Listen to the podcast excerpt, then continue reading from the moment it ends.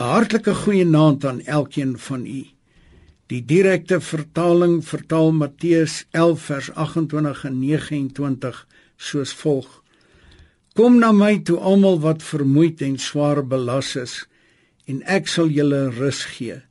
Neem my juk op julle en leer van my, omdat ek sagmoedig en nederig van hart is, en julle sal rus vind vir julle gemoed want my juk is draaglik en my las is lig.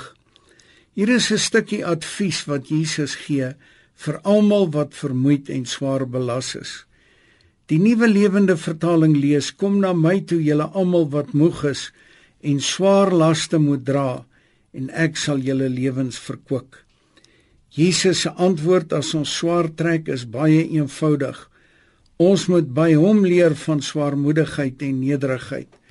Nederigheid verlos ons van vermoeienis en van lewensmoeg wees. Jesus vertel 'n gelykenis toe hy opmerk hoe mense die voorste plekke vir hulle self uitkies.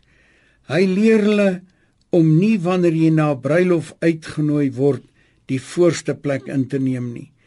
Dit kan nie wees dat iemand belangriker as jy ook genooi is. Die gasheer kan dan vir jou sê om plek te maak vir hierdie man. Jy sal dan met skaamte 'n agterste sitplek moet inneem. Hierdie agtertoe skuif voor al die mense sal beslis vernederend vir jou wees. As jy egter van self agter gaan sit, jy dan vorentoe geroep word, sal jy eer hê voor al die teenwoordiges.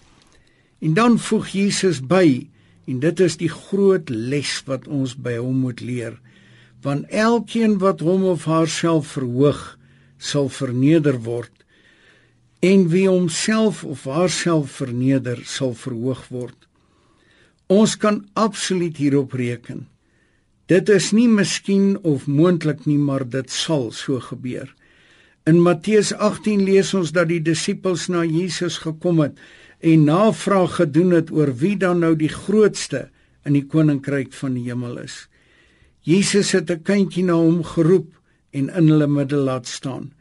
Hy sê toe voorwaar ek sê vir julle as julle nie verander en soos die kindertjies word nie sal julle nooit in die koninkryk van die hemele ingaan nie.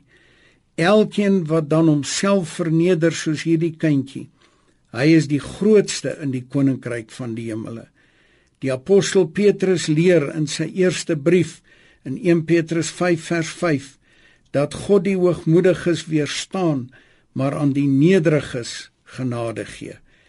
Ook Jakobus sê in hoofstuk 4 vers 6 van sy sentbrief dat God die hoogmoediges weerstaan, maar aan die nederiges genade gee.